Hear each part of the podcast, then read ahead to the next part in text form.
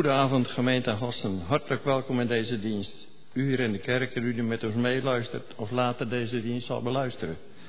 Voorganger deze avond is dominee van Beek. U ook hartelijk welkom in deze dienst. Organist vanavond is Richard Pannenkoek. De collecte in deze dienst is voor kerkbeheer en diaconie. De uitgangscollecte is bestemd voor het Roosevelthuis in Doorn. Hier worden mensen verzorgd die intensieve hulp en begeleiding nodig hebben vanwege ziekte, een lichamelijke of visuele beperking of leeftijd. Daarnaast worden vakanties georganiseerd voor mantelzorgers van thuiswonende partners met dementie. Volgende week zondag zal de bediening van het Heilige Havenmaal plaatsvinden. En denkt u ook aan de zendingsbussen in de hal? Ons intochtlied is Evangelische Liedbundel, lied 150, vers 1 en 2. Namens de kerkenraad wensen wij u een gezegende dienst.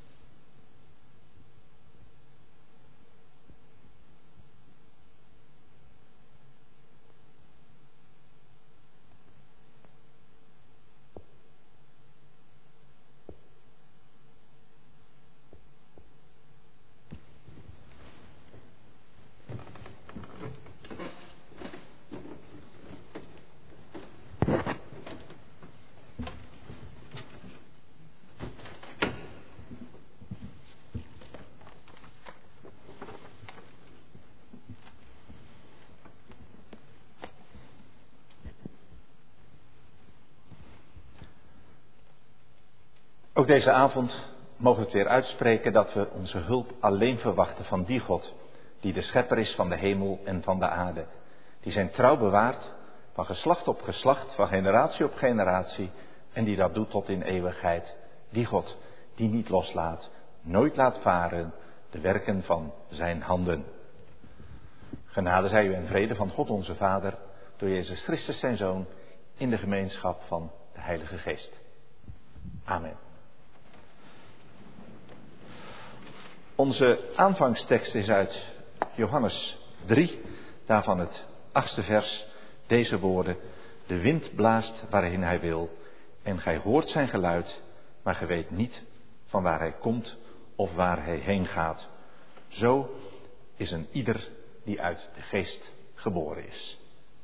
We zetten de dienst voor door met elkaar te zingen van gezang 328, de eerste twee versen. Gezang 328, vers 1 en vers 2.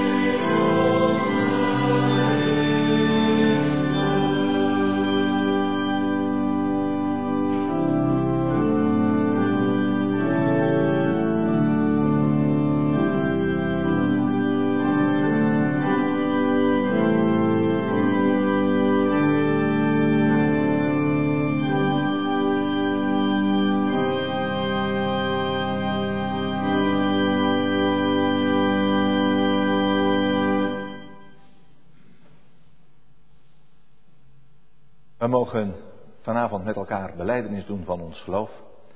En als we dat gedaan hebben, zingen we van gezang 463 de versen 1 en 5. Het vijfde vers eindigt als volgt. Maak gij ons rein en welgezind en spreek tot ons in vuur en wind, o stille stem in het hart. 463, 1 en 5, nadat we beleidenis hebben gedaan van ons geloof. We stemmen in met de aloude woorden van de apostolische geloofsbeleidenis. En daarmee zijn we in contact met de kerk van alle tijden en alle plaatsen. Ik geloof in God de Vader, de Almachtige, de Schepper van de hemel en van de aarde. En ik geloof in Jezus Christus, zijn enige geboren Zoon, onze Heer. Die ontvangen is van de Heilige Geest, geboren uit de Maagd Maria, die geleden heeft die onder Pontius Pilatus is gekruisigd, gestorven en begraven, is neergedaald tot in het dodenrijk, maar is ook op de derde dag weer opgestaan uit de doden en is opgevaren naar de hemel, waar hij zit aan de rechterhand van God, de Almachtige Vader. En vandaar zal hij ook komen om te oordelen, de levenden en de doden. Ik geloof in de Heilige Geest. Ik geloof in een heilige, algemene christelijke kerk. Dat is de gemeenschap der heiligen. Ik geloof in de vergeving van de zonden. Ik geloof de wederopstanding van het lichaam. En ik geloof in een eeuwig leven. Amen.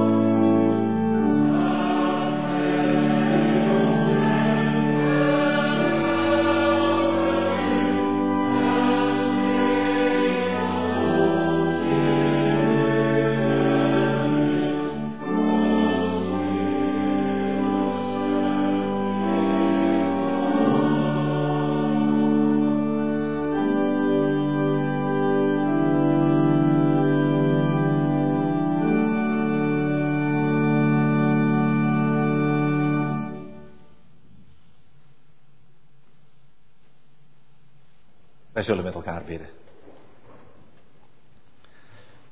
O Heer die onze Vader zijt. Zojuist mochten we die woorden zingen, maar wat zijn ze ook waar? En dan niet omdat wij u Vader noemen, maar omdat u zegt dat u het bent. Onze Vader. En het is de geest die ons die vadernaam leert spellen. Het is uw geest, de geest van Pinksteren, die ons leert Abba, Vader, te zeggen. Heer onze God, dank u wel dat we op deze zondag na Pinksteren mogen weten dat u woont en werkt in mensen. Dat u niet alleen in uw Zoon heel dichtbij bent gekomen, God met ons, de Immanuel, maar dat u door uw Heilige Geest zelfs in ons bent komen wonen. Dat u in ons leven aanwezig bent en van binnenuit ons vernieuwt. We danken u dat de zondag de opstandingsdag is en mag zijn. Dat wij mochten opstaan deze ochtend al. En dat we op mochten gaan vanmorgen en vanavond opnieuw. Opgaan om onder uw woord te zijn. En waar mensen onder het woord komen en zich onder het woord stellen, daar begeven ze zich in het krachtenveld van de Heilige Geest. Deze dienst, dit kerkgebouw, werkplaats van de Heilige Geest. Op dit moment, dat mogen we geloven, omdat u het zegt. Heere onze God, we vragen om uw nabijheid, uw zegen. We vragen om de leiding van uw Heilige Geest, dat u ons bij de hand neemt, dat u ons de weg wijst. We hebben het eerder al gezongen deze avond. Als uw geest de nacht niet bandt, ja, dan is het donker en dan blijft het donker. Maar laat uw genadelicht schijnen. Zegen ons, zoals we hier samen zijn. Wij, jong en oud, mensen die thuis met ons meeluisteren, nu of later, we dragen elkaar aan u op en we bidden u ontferm u over ons allen. Vergeef ons onze schulden Ze zijn vele. En leid ons in uw waarheid. Wees met ons. Als we verantwoordelijkheden dragen, als we taken hebben uit te voeren, Vader, zegen ons. Op de plek waar we staan, op de weg die we gaan. Wees zo met ons allen, hier en thuis. Misschien in moeilijke omstandigheden, maar Vader, slaat u uw armen om ons heen en leid ons als uw kind. We danken u en we bidden u dit alles. In de naam van de Heer Jezus, die gekomen is en die komt. Amen.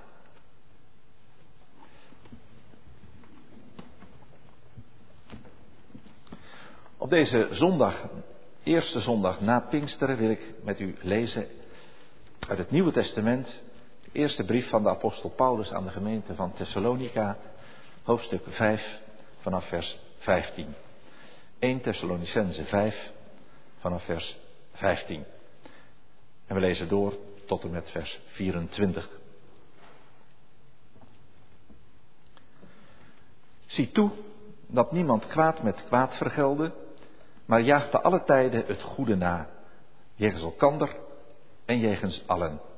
Verblijd u te alle tijden, bid zonder ophouden, dankt onder alles, want dat is de wil Gods in Christus Jezus ten opzichte van u. Dooft de geest niet uit. Veracht de profetieën niet, maar toetst alles en behoudt het goede. Onthoud u van alle soort van kwaad. En hij, de God des vredes, heilige uw gehele al. En geheel uw geest, ziel en lichaam mogen bij de komst van onze Heer Jezus Christus in alle delen onberispelijk bewaard te zijn. Die u roept is getrouw. Hij zal het ook doen. Tot zover onze lezing deze avond. We zijn wel gelukzalig als we de woorden van God horen, ze bewaren en eruit leven. Amen. Ik wil met u zingen, zo bereiden we ons voor op de verkondiging, Psalm 25, vers 2, vers 4 en vers 6. 2, 4 en 6 van Psalm 25.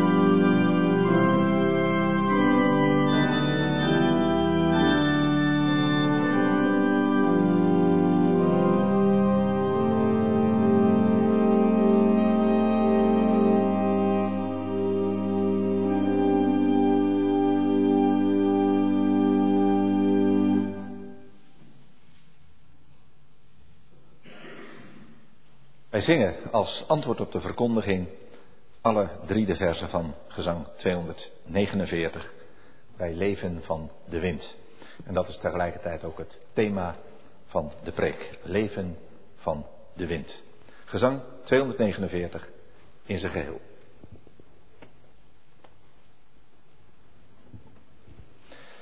Zusters, broeders, jonge vrienden, u in de kerk en iedereen die op een andere manier met ons verbonden is. Samen gemeente van onze Heer Jezus Christus. In ons land speelt wind al eeuwenlang een grote rol. Denk daarbij maar aan die 19 molens van Kinderdijk. Misschien hebt u ze wel gezien. Ik woon daar vlakbij. 19 molens, oude windmolens bij het dorp Kinderdijk. En hier in uw eigen dorp hebt u hoogstwaarschijnlijk ook wel een molen. Een korenmolen. Nou, die van Kinderdijk, die zijn op het ogenblik helemaal hot. Cruiseschepen varen af en aan, bussen rijden af en aan. En van over de hele wereld komen toeristen toegestroomd om dit unieke stukje werelderfgoed, want dat is het inmiddels, te bewonderen. Nou, in vroeger tijden waren die molens van Kinderdijk vooral bedoeld om de polder droog te houden. Om de mensen droge voeten te bezorgen. Maar heel veel andere molens, en hoogstwaarschijnlijk ook die hier in Oosterland, heel veel andere molens hadden een andere functie, korenmolens over het algemeen. Tot in de vijftige jaren van de vorige eeuw werd er op heel veel plekken op windkracht meel gemalen dat nodig was voor het dagelijks brood. Nou, daar hebben we tegenwoordig geen wind meer voor nodig. Maar eerlijkheid gebiedt ons te zeggen dat windkracht niet, de rol daarvan, nog niet is uitgespeeld. Juist niet. Windkracht wordt steeds belangrijker. Energiemaatschappijen investeren op het ogenblik volop in windenergie. Nou, vanavond reed ik hier naartoe en dan kom je langs Bruinisse en net daarvoor, nou, u hebt dat allemaal gezien. Nou, daar zijn de molens van Kinderdijk niks bij. Wat grootte betreft. Gigantisch windmolenpark daar. Ik heb ze niet geteld, maar ik schat dat het er zo'n 35 zijn. Van die enorme joekels. En met z'n allen leveren ze enorm veel schone elektriciteit voor duizenden huishoudens. En op zich is dat natuurlijk een prima ontwikkeling. Maar wind, dat is niet alleen iets waar geld mee te verdienen valt. Ook in de Bijbel speelt wind een niet onbelangrijke rol. Meer dan eens wordt wind in verband gebracht met Gods aanwezigheid. Onze aanvangstekst deze avond vertelde ons: de wind waait waarheen hij wil. Wind heeft iets, iets eigenmachtigs. Wind heeft iets onnavolgbaars. Wie weet waar de wind vandaan komt? Wie weet waar hij naartoe gaat? Wie kan de kracht van wind in toom houden? In Handelingen 2, de Pinksterboodschap, daar is sprake van een hevige windvlaag. En het woord dat Lucas hiervoor gebruikt, heeft een aantal betekenissen. De eerste plaats natuurlijk wind, maar het kan ook betekenen adem. Het kan ook betekenen geest. Stuk voor stuk, wind, adem, geest, zijn het tekenen van leven. Als iemand sterft, zeggen we wel dat hij of zij zijn of haar laatste adem uitblaast. En hetzelfde geldt voor een uitdrukking als de geest geven. Het omgekeerde is ook waar.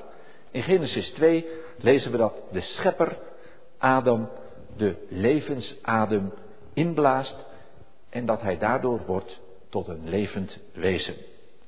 Adem, geest en leven. Ze zijn onlosmakelijk met elkaar verbonden. Zolang wij ademhalen, gaat men ervan uit dat we leven. Ademen is er het teken van dat de levensgeest nog in ons aanwezig is. De adem van God. Zo wordt de wind wel genoemd. Wind, adem van God. En met zijn stem, dus met behulp van lucht, met behulp van zijn adem, wekt hij nieuw leven. Brengt hij in beweging. Hij sprak en het was er. Hij schiep als sprekend. Wij leven op de adem van zijn stem. Dat zingt Psalm 103 in vers 5. Wij leven op de adem van zijn stem. Waar de geest van God van zich doet horen, waar Gods stem klinkt, daar komen woorden tot leven. Daar wordt zijn woord daad.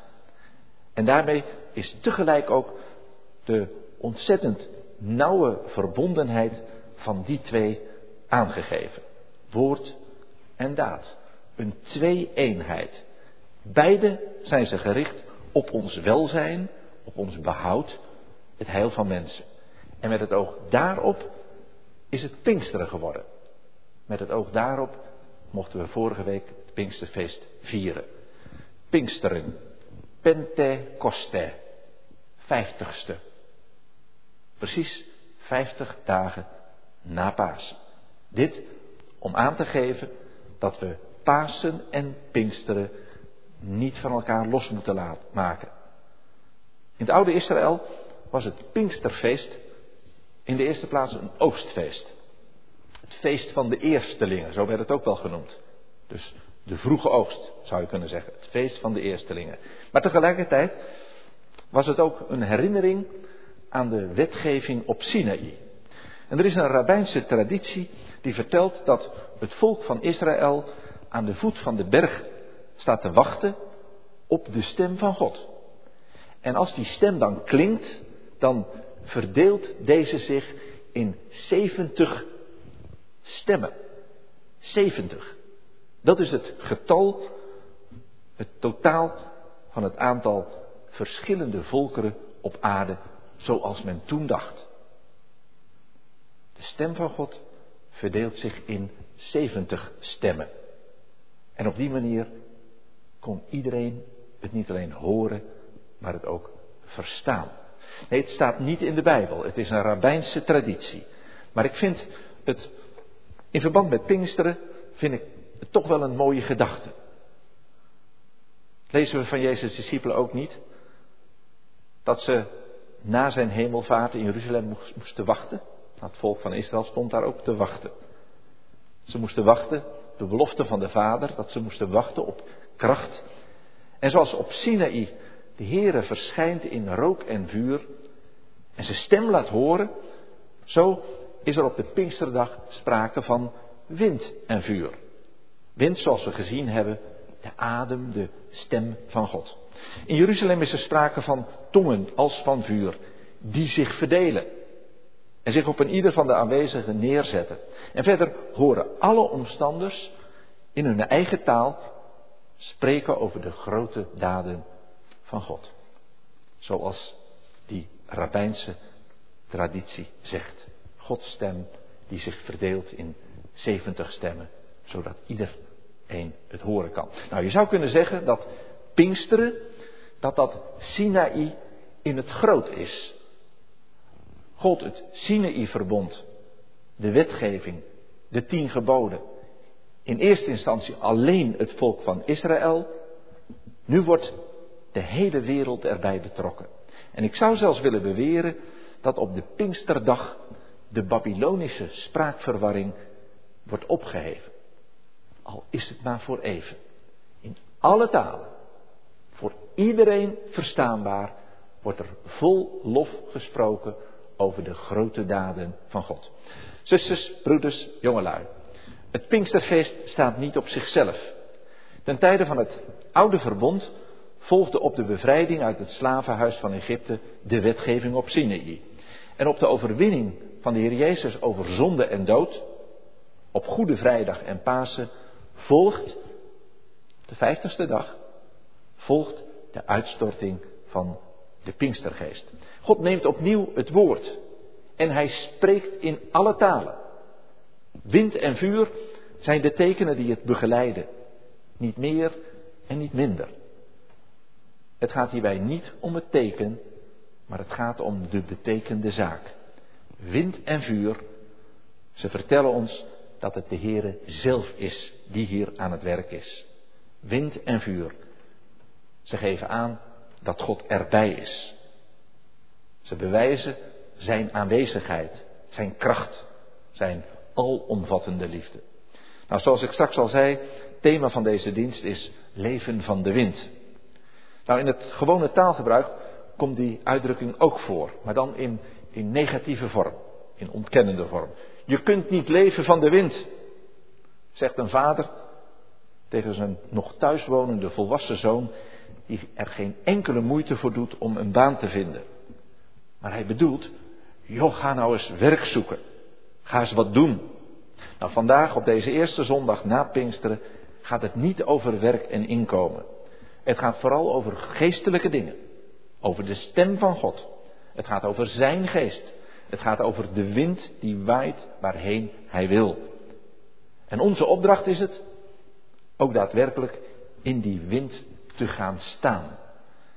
Wil je de wind voelen, dan moet je naar buiten, dan moet je in de wind gaan staan. Dat is zoiets als op een stormachtige dag gaan uitwaaien op het strand. De wind door je haren. Op die manier je hoofd leegmaken. Na Pinksteren betekent dat Gods heilig vuur reinigend en louterend zijn werk laten doen. Alleen maar praten over de Heilige Geest, dat heeft niet zoveel zin. Als we diezelfde geest ook niet toelaten in ons hart, diezelfde geest ook niet een plekje geven in ons leven. Leven van de wind, dat is je openstellen voor God en zijn genade. Het is niets anders dan leven van genade. De wind, de adem van zijn stem, Gods woord. In één woord, genade. Het ging daar in Jeruzalem op die eerste Pinksterdag niet om de tekenen van wind en vuur. Het ging en het gaat nog altijd om wat de geest in ons leven doet. Hoe het ons in beweging zet. Hoe het ons aanzet tot daden. Wij leven van de wind. Wij delen in het vuur. Wij teren op het woord. Zinnen die we zo dadelijk zullen tegenkomen in gezang 249. En ze geven aan hoe nauw we op God en op Zijn zaak met ons betrokken zijn. Ik weet me van Hem afhankelijk. Ik prijs mezelf gelukkig. Ik ben niet langer vol van mezelf. Vervulling, dat is een kernwoord in Handelingen 2. De dagen worden vervuld, volgemaakt, maar ook het huis waar ze zich bevinden en de harten van Jezus' leerlingen vervuld. En dan gebeurt er iets opmerkelijks. Waar de harten vol van zijn, daar stroomt hun mond van over. En over niets anders kunnen en willen ze het nog hebben dan over de grootheid van Gods daden. Bij Sinai ging het over de bevrijding van het volk van Israël uit Egypte. Over Gods machtige arm, zijn uitgestrekte hand. Hoe de Heere zijn volk uitleidde uit het diensthuis en hen leidde dwars door de Rode Zee, door de woestijn, hen bracht tot in het beloofde land, een land overvloeiend van melk en honing. Na Pinksteren, deze zondag, gaat het ook over bevrijding. Bevrijding uit het slavenhuis van zonde en dood. Redding door het bloed van Gods Zoon, onze Heer Jezus Christus. Hij die als het ware paaslam de schuld van de wereld en dus ook die van ons heeft gedragen. De Pinksterwind. Gods geest geeft stem aan die boodschap. Het blijde nieuws dat Jezus leeft. Het blijde nieuws dat ook wij in Hem meer dan overwinnaars zijn. En iedereen kan en iedereen mag het horen. De grote daden van God. We zouden daaraan kunnen toevoegen de grote daden van God gedaan in Christus Jezus. Want Hij is Gods daad in levende lijven. Hij is daad bij uitstek. Hij is het woord dat vlees werd. Hij is de daad gevoegd bij het woord. Ja, en het is heel mooi om te zien wat dat op die eerste Pinksterdag in Jeruzalem al oplevert. Feest van de eerstelingen, oogstfeest. Heb het zo even al even gezegd. En het feest van de eerstelingen, dat is een voorproefje. Dat is een voorschot. Een belofte op wat komen gaat. En dan is het begin al zo geweldig. Letterlijk zo veelbelovend. Die eerste Pinksterdag. We lezen dat maar liefst 3000 mensen tot geloof komen. Tot geloof komen in de Heer Jezus. Ze geloven het woord en ze worden vervuld met de Pinkstergeest. De Pinksterwind, hij waait reinigend en vernieuwend door alle vertrekken van hun levenshuis. En het stof dat waait op en het vuil dat wordt weggeblazen. Ruimte wordt er gemaakt voor nieuwe dingen, voor andere gedachten. Handelingen 2, misschien is het vorige week wel gelezen. Handelingen 2 laat ons zien wat de uitstorting van de Pinkstergeest in onze levens uitwerkt. Allereerst wekt het geloof in de Heer Jezus. Vervolgens vertrouwen in het woord en tenslotte liefde voor elkaar. En daar worden wij, zusters en broeders, daar worden wij, jonge vrienden, ook op deze zondag toe opgeroepen. Onze opdracht is het te geloven in de Heer Jezus. Onze opdracht is het te vertrouwen op Gods woord. Om ons samen te verwonderen over zijn liefde. In een geest van liefde de ander tegemoet te treden. Kortom, te leven van de wind. Nou, als je het zo hoort, als ik het zo zeg, dan lijkt dat misschien betrekkelijk eenvoudig te zijn. Maar in de praktijk is het een ander verhaal. Is het een stuk lastiger. En dat heeft ermee te maken dat niet alleen Gods Pinksterwind waait, maar dat er ook zoveel wind is dat uit de verkeerde hoek komt, zoals we het zeggen. Dat er ook zoveel onheilig vuur is. Beste mensen, niet zo heel lang na de uitstorting van de Pinkstergeest kreeg de Jeruzalemse gemeente er al mee te maken. De wind van Gods geest, de wind van Gods liefde, botste op een muur van weerstand, van hardheid, van leugen en bedrog, van eigenbelang en liefdeloosheid. En dan hoef ik alleen de geschiedenis maar te noemen van Ananias en Safira. In Handelingen 2 staat beschreven dat de geest wordt uitgestort. En het is maar een enkel hoofdstuk verder dat deze twee mensen de geest van God bedriegen. Ananias en Safira. Maar ook in zijn brief aan de gemeente van Thessalonica schrijft de apostel Paulus daarover. In plaats van te leven van de wind, van Gods vergevende liefde, in plaats van ons te laten leiden door de Heilige Geest, doen wij mensen heel gemakkelijk Gods genadelicht weer uit. Wij draaien de knop als het ware om. En dat bedoelt de apostel als hij zegt, we hebben het gelezen, doof de geest niet uit. Dat kan blijkbaar. De geest doven. Paulus denkt aan een vlam. Vuur van de geest. En zoals je een kaars kunt uitblazen, zo kun je het werk van de Heilige Geest ook frustreren. In de weg staan. En tenslotte zelfs geheel en al doven. Nou, hoe we een kaars doven, dat weten we allemaal. Maar de geest, hoe doof je die? Hoe zorg je ervoor dat het licht van Gods genade uitgaat?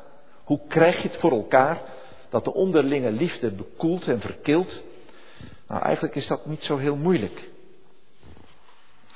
Dat kunnen we doen, dat kunnen we voor elkaar krijgen door het tegenover van de Heer Jezus te zijn.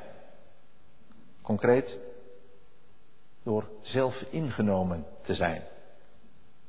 Eigenwijs, overtuigd van je eigen gelijk. Door niet bereid te zijn een ander ook maar een klein eindje tegemoet te komen. Door te willen heersen in plaats van te dienen. Door te weigeren je handen te vouwen en je hoofd te buigen. Door consequent de Bijbel dicht te laten.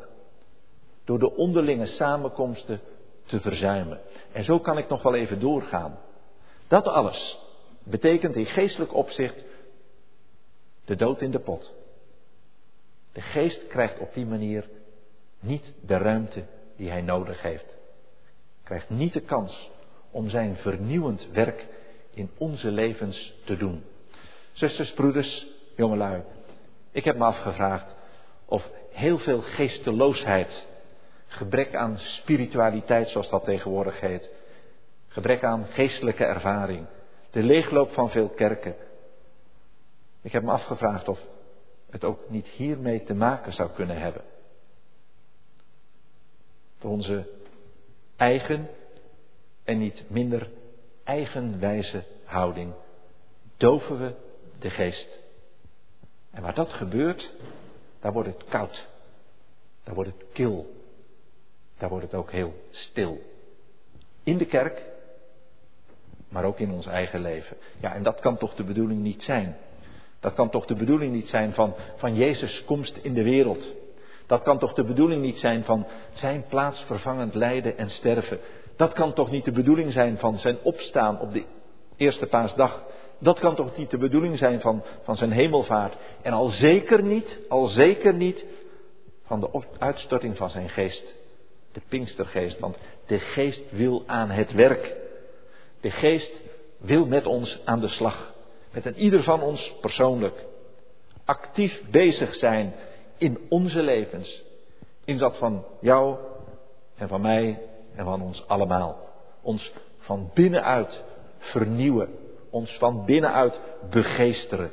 Ons de weg wijzen. Ons enthousiast maken voor Gods zaak. Voor Gods zaak met ons. Zijn plan. Zijn heilsplan met de wereld. Maar daarvoor heeft Hij wel ruimte nodig. Ruimte in ons leven. De kans om er iets moois van te maken. En met het ook daarop vraagt de geest onze aandacht. En die aandacht, die aandacht is vooral aandacht voor het woord. Voor Gods belofte van heil. En het is niet voor niets dat de apostel Paulus in 1 Thessalonicense 5 in het vers na zijn oproep om de geest niet te doven, de opdracht geeft de profetieën niet te verachten. Dus doof de geest niet uit en veracht de profetieën niet. Het gaat om woord en geest. Het gaat om geest en woord. En waar die twee in onze levens de ruimte krijgen, ja, daar gebeurt ook echt wat. Wonderen van genade. We leren meer en meer geloven en hopen en liefhebben door Zijn kracht. In ieder geval ontdekken we wat het is en wat het inhoudt om te leven van de wind. Gemeente, thuis en hier in de kerk, de Pinkstergeest vraagt om aandacht voor het woord. Dat we onze Bijbel lezen. Iedere dag.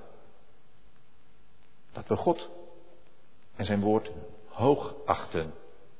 Maar ook dat we elke dag onze handen vouwen. Dat we Gods aangezicht zoeken. En dat zonder te verslappen. Dat is bid onophoudelijk. Dus doof de geest niet uit. Veracht de profetieën niet. Bid onophoudelijk. Nee, die geest moet niet uitgedoofd worden, moet niet gedoofd worden. Nee, het is veel beter om die geest juist aan te wakkeren. Dat is het tegenovergestelde van doven. En de geopende Bijbel maakt daarbij wezenlijk deel van uit. Wie de Bijbel dichtlaat, smoort daarmee als het ware de geest. Heb het beeld voor ogen van een, van een jampot, heel eenvoudig. Vaccinelichtje erin.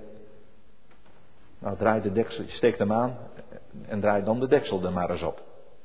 En zie wat er gebeurt. Nou, we kunnen het allemaal raden. Binnen de kortste keren zie je het vlammetje kleiner worden en uitgaan. Vuur heeft zuurstof nodig. En de Pinkstergeest heeft ruimte nodig. Zomerperiode staat voor de deur. Van de week eh, 21 juni. Dan begint het dan officieel, maar de meteorologische zomer is feitelijk al begonnen. Barbecues worden weer tevoorschijn gehaald. En ook daarvoor geldt dat het vuur moet worden aangewakkerd. En je kunt dat doen door te blazen. Je kunt wapperen met een stuk karton. Maakt niet uit hoe je het doet, als het vuur maar brandt. Als de kolen maar gloeien. Nou, hetzelfde Hetzelfde geldt voor de Heilige Geest. Wij moeten het vuur van Pinksteren niet uit laten gaan. We moeten het niet doven, maar we moeten het aanwakkeren. De geest de ruimte geven. Het woord alle aandacht geven die het verdient. Als gemeente en ook op persoonlijk vlak kunnen we dan nog heel veel leren. Heilige Geest, de hemelse leermeester, hij is daartoe van harte bereid. Niets liever dan dat. En de Bijbel, Gods woord, is daarbij het criterium. Woord en geest, die twee, en ze spreken met één stem, met één mond. Alle twee spreken ze de taal van de liefde, Gods liefde. En ze vertellen ons van Gods grote daden, zijn genade voor mensen die het feitelijk niet verdienen. En toch is dat de waarheid. Gods barmhartigheid voor en zijn geduld met ons. Wij die zonder uitzondering zondige mensenkinderen zijn. Een waarheid die in onze levens, als het goed is, meer en meer handen en voeten krijgt.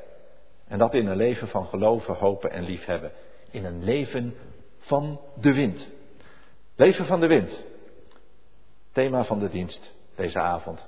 Het is een uitnodiging, het is een opdracht en het houdt een belofte in. Leven van de wind. Het maakt dankbaar en het geeft rust.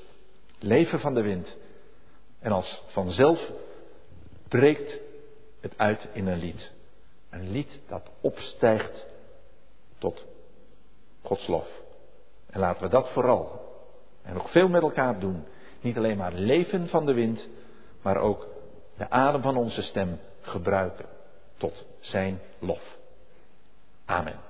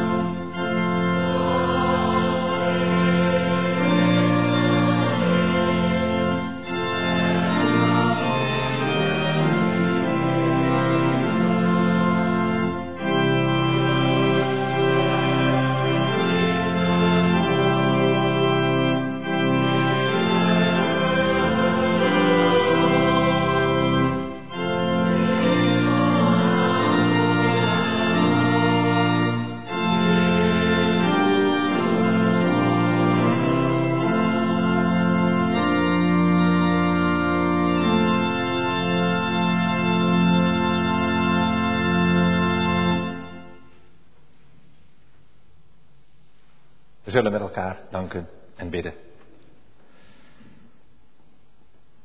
Leven van de wind, delen in het vuur, teren op het woord. Dat zijn de dingen die u ons leert. Dat is wat u ons voorhoudt. En feitelijk is het hetzelfde als doof de geest niet. En veracht de profetieën niet. En blijf bidden. Bid onophoudelijk. Volhard in de gebeden. Heer onze God, dank u wel dat het ook na Pinksteren nog altijd Pinksteren mag zijn. Dat uw geest niet is uitgewerkt, dat uw geest niet is uitgewaaid, maar dat hij werkt en waait tot op de dag van vandaag.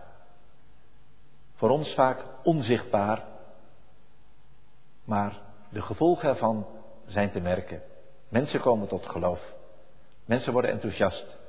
Mensen gaan meer en meer beantwoorden aan uw bedoeling met hun leven. Wij mogen in de wind gaan staan. En dat doen we door ons in het krachtenveld van de geest en onder het woord te begeven. Vader, dank u wel dat u zo met ons wilt omgaan. Dat u ons de weg wijst. Dat u ons laat zien wat u met ons leven wilt. Dank u wel dat we het Pinksterfeest mochten vieren. Maar dat we ook mogen weten dat het elke dag Pinkster is. Dat het elke dag zo is dat u erbij bent, in ons woont en werkt. Heel dichtbij. Niet alleen God boven ons, niet alleen God met ons, maar ook God in ons. En dichterbij kan feitelijk niet. Dank u wel voor deze zondag. Dank u wel voor de diensten van vandaag. Dank u wel voor het mooie weer. Dank u wel voor alle zegeningen waar we voor danken. Waar we van mogen genieten, de goede dingen van het leven. En als er zorgen zijn, dan mogen we dat ook bij u neerleggen. En zo bidden we voor elkaar in zorgen, in verdriet, in pijn, in moeite, in eenzaamheid, in ziekte. Als er sprake is van gemis, rauwe rouw, u wilt troosten. En van de Heilige Geest wordt toch gezegd dat deze de trooster is, die in ons woont, die tot ons komt, die in ons werkt. En om die troost bidden we u.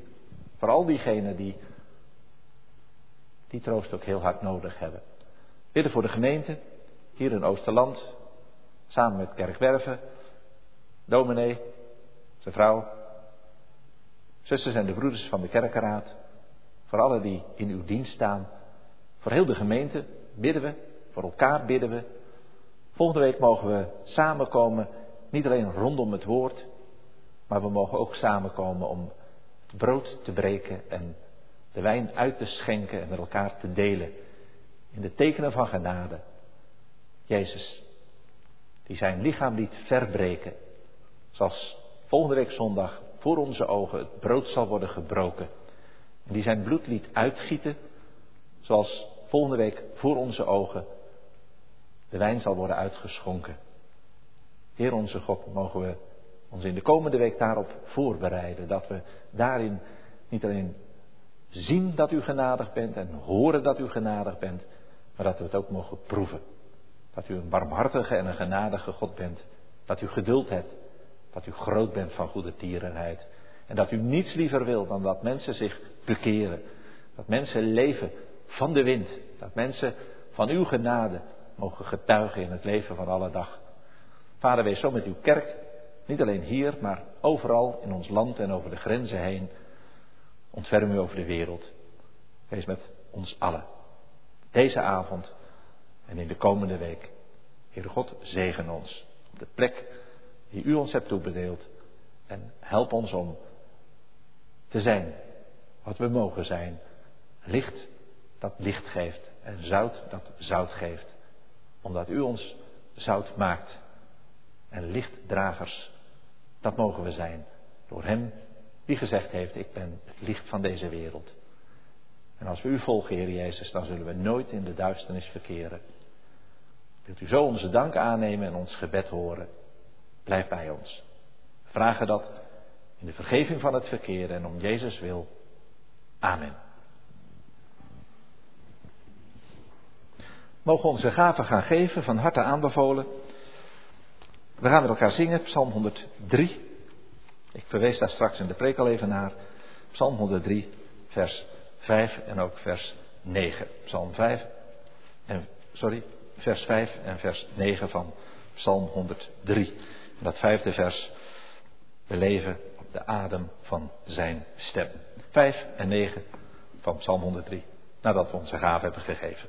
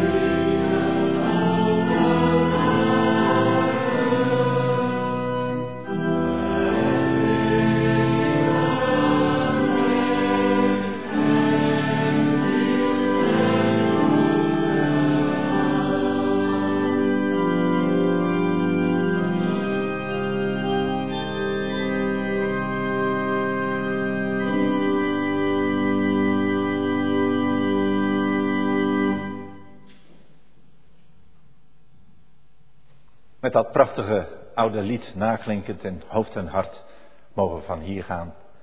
We gaan als gezegende mensen en van ons mag gevraagd worden dat we ook tot zegen zijn. De genade van onze Heer Jezus Christus, de liefde van God en de troostvolle gemeenschap van de Heilige Geest met u allen.